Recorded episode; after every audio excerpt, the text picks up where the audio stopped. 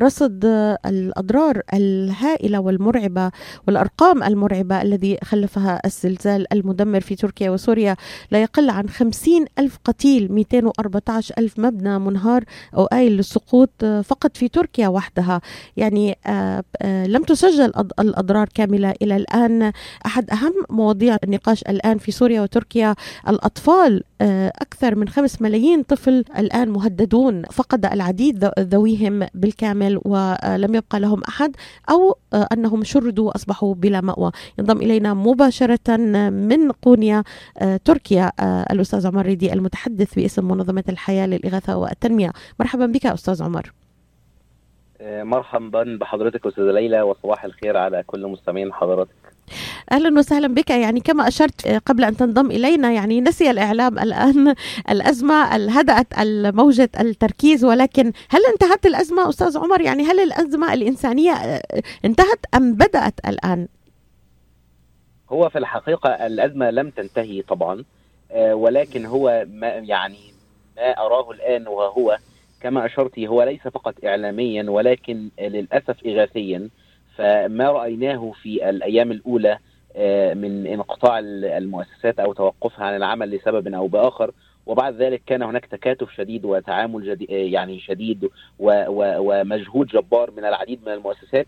ولكن تبدو أن المؤسسات بدأت الآن إلى توجهات أخرى. نعرف أن هناك مثلا حريقه الآن في بنجلاديش ونحن في مؤسسة لايف نقدم الدعم للأسر المنكوبة في بنجلاديش ولكن ما زال عندنا آه، هنا كارثة في تركيا وفي سوريا ومستمرين بالدعم. فالحقيقة هي الأزمة لن تكون سهلة ولن تمر بكل سهولة. وأظن أن كان من السخاء آه، من من المتبرعين ووصلت للعديد من المؤسسات التبرعات التي تسمح لنا أن نمد يد العون إلى السوريين والأتراك إلى إلى أكبر مدة ممكنة حتى يستعيدوا بعض مما آه، فقدوه. فنحن في مؤسسة الحياة ما زلنا هنا ما زلنا نعمل. ما زلنا نواصل هنا وهناك فكما أشرت تأتي الكوارث إلى عدة بلاد أخرى ولكن يتوجب علينا نحن كمؤسسات مسؤولة من واجبنا الإنساني أن نظل ندعم هؤلاء لأن أزمتهم لم تنتهي بعد. أستاذ عمر يعني وصلتني العديد من الصور. أنت الآن في تركيا تقومون بتوزيع آه، مواد غذائية على عدد من المناطق للمتضررين.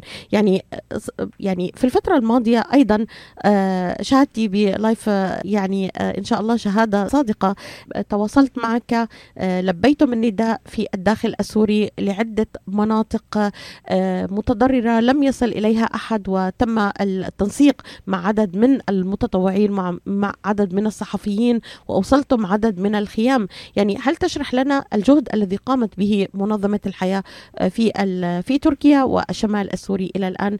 آه، آه، وما هو يعني الإمرجنسي؟ نحن مقدمون قادمون على يعني كارثة إنسانية كبيرة. الآلاف شردوا من منازلهم وأصبحوا يقيمون في الخيام إضافة إلى معاناة كانوا يعانون يعانونها خاصة في الشمال السوري. آه، طيب إذا تسمحي لي أستاذة ليا أن أستفيض قليلا في هذا السؤال. فقد كانت آخر مداخلاتي معكم آه، آه، اليوم الثاني أو الثالث من حدوث الزلزال. وكنا في هذا الوقت نناشد بفتح المعبر ما بين تركيا وسوريا. فدعيني أضع المستمع الكريم في في عجالة ليفهم الوضع هنا من على أرض الواقع.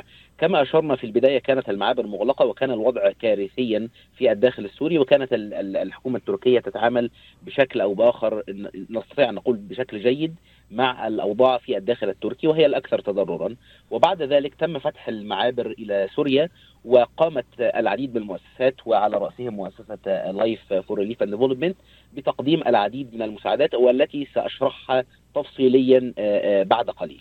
ولكن كان هنا في الجنوب التركي كان العمل مقتصر تماما على مؤسسة أفاد والحكومة التركية وكان هناك رفض شبه تام لجميع المؤسسات للعمل وكنا نعمل بالحدود البسيطة التي آه، نستطيع من خلالها توفير بطانية أو خيمة إلى أسرة أو أسرتين. ولكن كان هناك شرط أن يكون كافة التعامل من خلال أفاد. في هذا التوقيت كانت تعمل مؤسسة Life for Relief and Development من خلال السفارة التركية وبالتنسيق مع السفير التركي في واشنطن وتم إرسال الحاويات الطبية وبعض المستلزمات من خلال السفارة التركية في واشنطن. وقبل تقريبا سبعة أيام أشار إلينا السفير التركي في واشنطن أنه الآن تم فتح الباب الكبير للمؤسسات. الآن هو النداء التركي إلى المؤسسات الخيرية للعمل.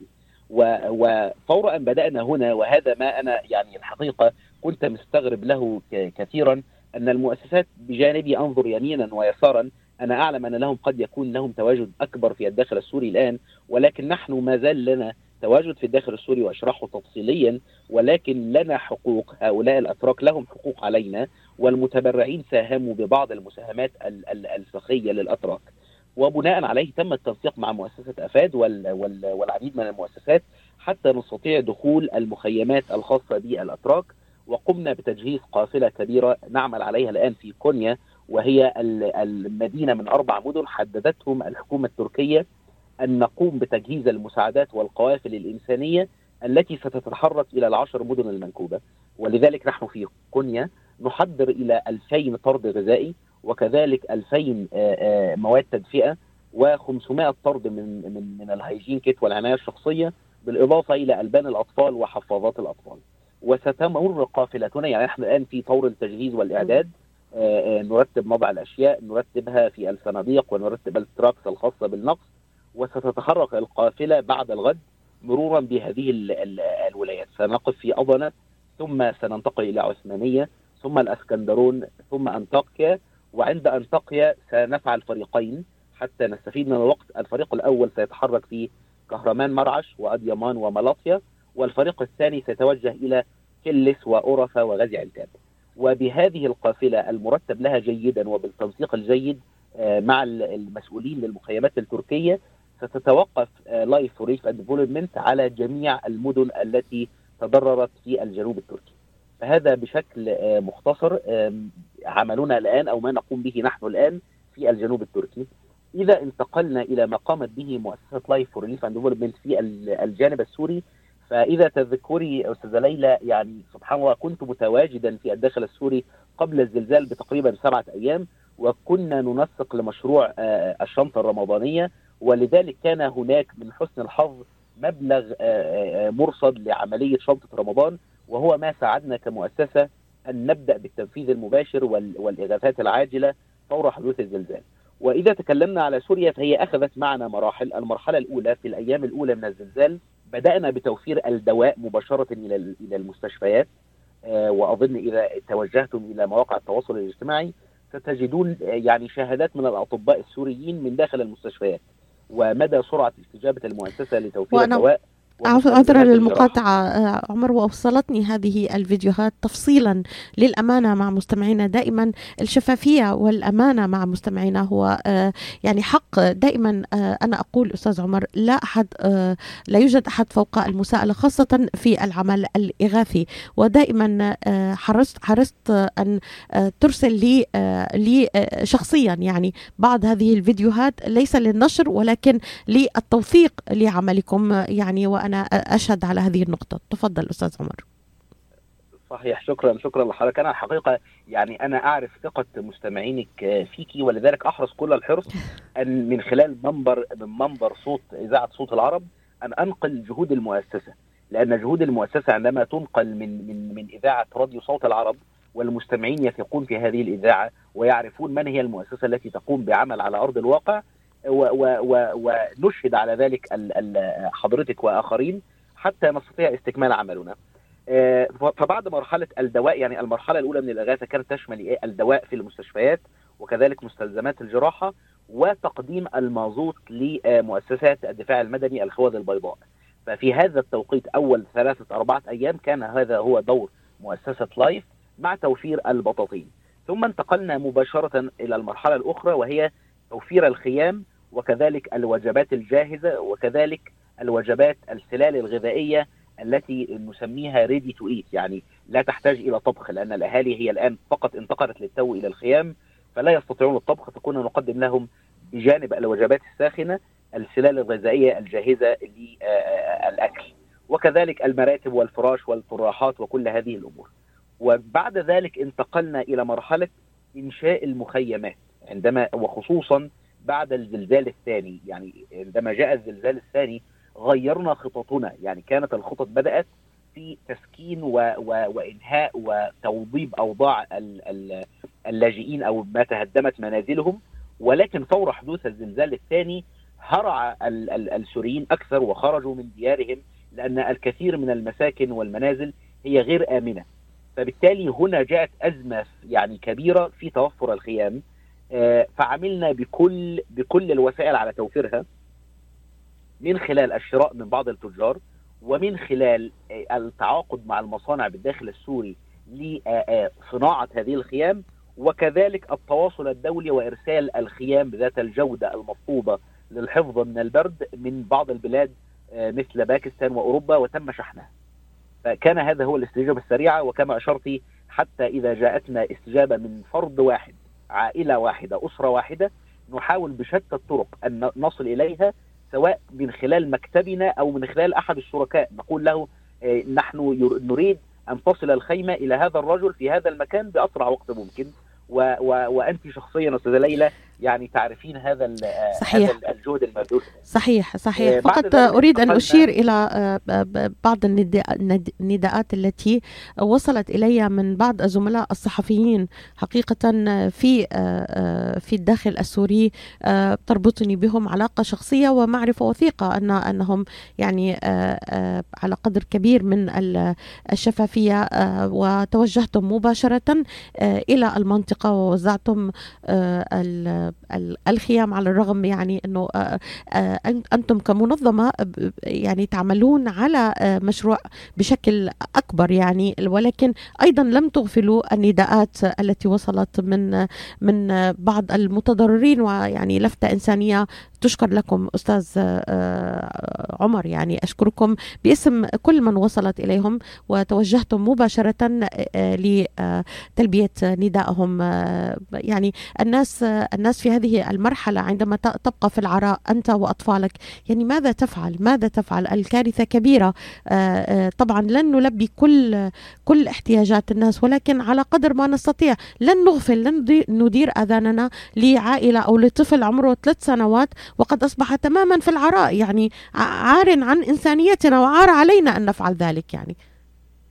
تماما تماما. هو نحن نؤمن ما دام جاء هذا النداء فهو في احتياج. وهو دوري. يعني العاملين في مجال الإغاثة هذا هو دورهم هو هو هو هو ينادي وأنت تغيث. إن كان عن طريق المؤسسة آه، التي تعمل بها أو من خلال عن طريق الأقارب الأصدقاء المهم أنك آه، تعمل بإنسانيتك وتوصل له هذه المساعدة. آه، دعيني أكمل لحضراتكم. ثم انتقلنا إلى مراحل المخيمات وتم إنشاء العديد من المخيمات. مخيم تقريبا 100 خيمة ومخيم آخر 150 خيمة ومخيم آخر 200 خيمة. وبعد ذلك قمنا بالتخديم على هذه المخيمات وهو ما غفلت عنه بعض المؤسسات الأخرى وهو التخديم على الأهالي في المخيمات. ليس فقط بالطعام ولكن هم سيعيشون في هذه المخيمات. لا نعرف كم يوم كم سنة كم أسبوع لا نعرف.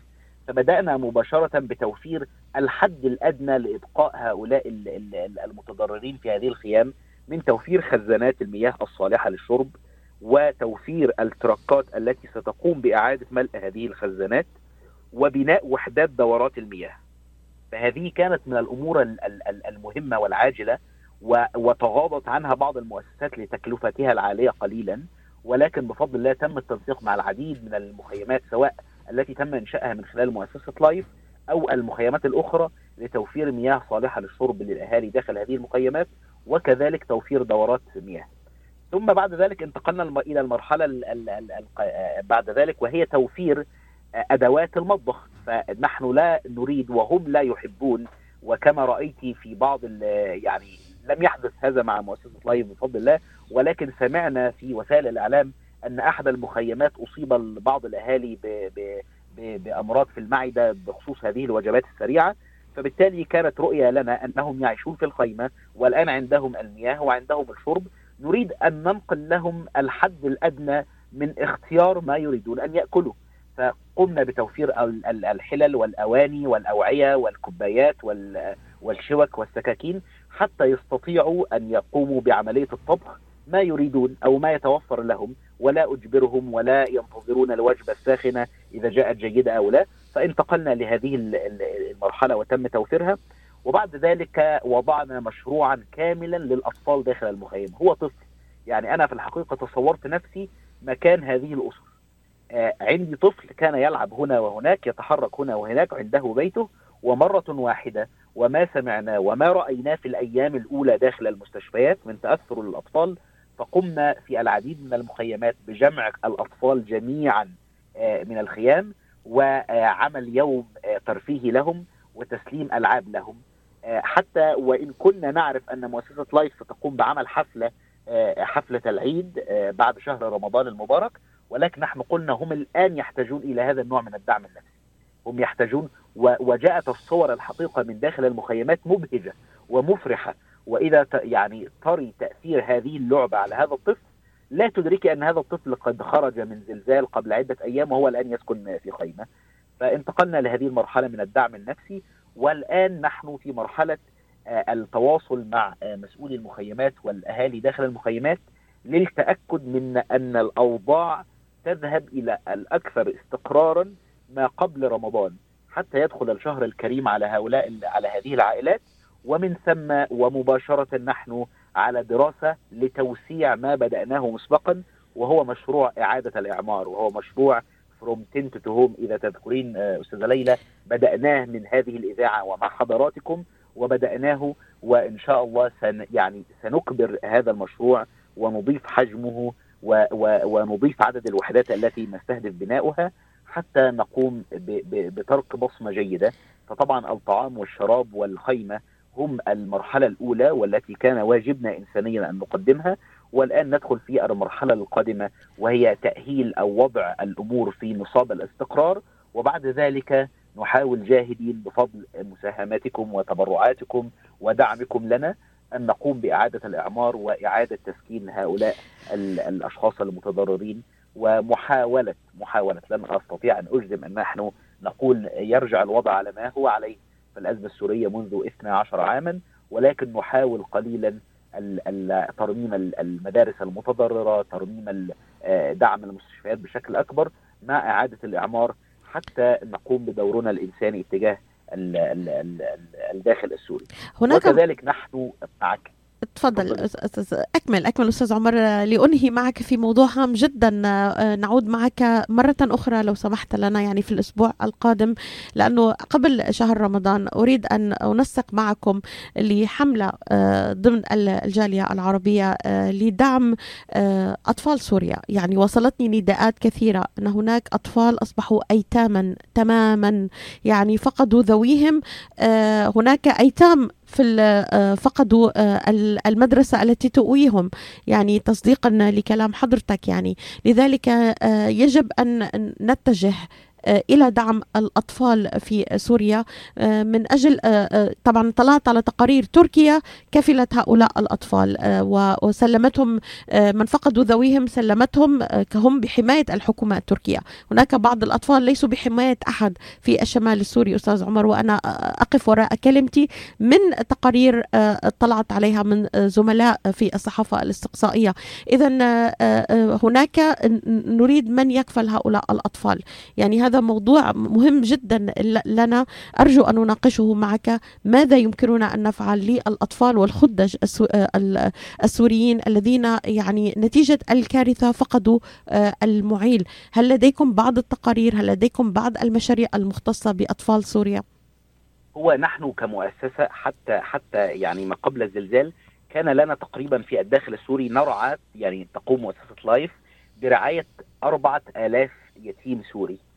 فطبعا يعني نحن الآن نعمل على جمع بعض من من ال data التي يتم حصرها الآن في الداخل السوري ليتم تسويق هؤلاء الأيتام إلى المتبرعين ونعرض عليهم الكفالة. كما تعرفون في مؤسسة Life الكفالة الشهرية تكون 55 دولار شهريا لليتيم أو 660 دولارا للعام كله. فطبعا بفضل تبرعاتكم ومساهمتكم نستطيع زيادة هذه الأعداد. يعني نستطيع نزيد هذا العدد المتواجد في سوريا طبعا أنا يعني اساند حضرتك أنه ليست مؤسسة Life ستجد من الطبيعي أن مؤسسة Life وباقي المؤسسات تعرض الدول التي تقوم بها في كفالات الأيتام ولكن من الطبيعي أن نحن ندرك ما حدث في سوريا فنزيد اهتمامنا بالأطفال الأيتام في سوريا. فبفضل 55 دولار تبرع من حضراتكم تستطيع أن تكفل طفل سوري فقد عائلته أمه أبيه. في وضع صعب في الزلزال وهو الآن فقط يريد هذه الكفالة حتى يستطيع أن يقترب إلى إلى ال ال الاندماج في المجتمع بشكل أو أو بآخر. أستاذ عمر الأولوية الآن لو فضل لو فضلا الخاص تفضل تفضل أستاذ عمر. أني فقط بس الجزء الخاص بالجانب التركي فبفضل الله نحن العمل داخل سوريا على قدم وساق وكذلك العمل على في في تركيا فنقوم بما يتم توجيهنا إليه ولذلك لم تقوم مؤسسة لايف بتوزيع الشوربة في الأيام الأولى من الزلزال فقط لأظهر أني مؤسسة تعمل على أرض الواقع ولكن الآن وبعدما ذهب العديد من المؤسسات ونجد الحاجة والاحتياج نقدم الدعم وهو تبرعاتكم فتبرعاتكم هي محض امانه لدينا ونقوم بالتصرف بها كما نرتئيه مناسبا وكأنها أموالنا تماما. الأولوية الآن أستاذ عمر نحن قادمين على شهر رمضان يعني تبقى لنا من الوقت دقيقة ونصف. ما هي الأولوية الآن لكي نتابع معك ومستمعينا؟ بالنسبة للمتضررين من كارثة الزلزال يعني نحن مقبلين على شهر كريم على شهر العطاء على شهر الخير. كيف يمكن أن نساهم في هذا الخير بالنسبة للأكثر عوزا في تركيا تركيا وسوريا؟ طيب إذا إذا تسأليني أستاذة ليلى عن عن رأيي الشخصي وقد أعطي لكم التحديث فور دخولي إلى الشمال السوري الأسبوع القادم حتى يعني أقول لك شهادتي بأم عيني وليس نقلا عن مكتبي وإن كنت أثق في مكتبي تمام الثقه والعاملين لدي. الآن يعني على الرغم من الاحتياج إلى الشنط الرمضانية ولكن أرجو أن نضع بصمة أكبر من الشنطه الرمضانية. صحيح. فلا لا تقدم له لا تقدم له الطعام وهو يريد وهو يريد بيته أو يريد خيمته أو يريد البطانية. هو يريد هذا وذاك قبل قبل الشنطه الرمضانية. فإذا يعني توجهنا إلى إعادة الإعمار هي الأولوية القصوى وهي التبرع لإعادة إنشاء هذه البيوت ونقل هؤلاء من الخيم وإعادتهم إلى البيوت سواء كانوا متضرري الزلزال أو سواء كانوا النازحين من قبل. فإعادة الإعمار والتوجه إلى مشروع من من الخيمة إلى البيت ومعلوماته كاملة على ال website الخاص بالمؤسسة www.lifeusa.org يعني تجد كل المعلومات. أنا أظن أن هذه الأولوية الأولى ثم تأتي الأولوية الثانية وهي توفير الخيمة بجميع مستلزماتها. بهذا العنوان ثم الأولوية الثالثة وهي وهي السلال الغذائية بهذا العنوان أعود لأطرق معك هذا الموضوع. إعادة الإعمار في سوريا من الخيمة إلى البيت. عنوان استوقفني جدا أستاذ عمر. شكرا لك على هذه الإضاءة. وما هي أولوياتنا؟ نعود معك في الأسبوع المقبل. نتمنى لك كل التوفيق في تركيا الآن وأنتم تقومون بعملكم الإغاثي. أعتقد لم ترى عائلتك من فترة طويلة أستاذ عمر. يعني نتمنى لك السلامة وتعود بسلامة الله إلى الولايات المتحدة الأمريكية. وطبعا الله يجزيكم ألف خير على كل الجهود التي تعملون عليها من أجل تخفيف المعاناة عن المحتاجين. وأضم صوتي إلى صوتك. فعلا إعادة الإعمار في سوريا من الخيمة إلى البيت. هذه هي أولويتنا إضافة إلى السلال الغذائيه أشكرك الأستاذ عمر الريدي المتحدث الرسمي باسم منظمة الحياة للإغاثة والتنمية ومنسق برامج الإغاثة للحياة حول العالم. شكرا جزيلا لك على هذه الإضاءة.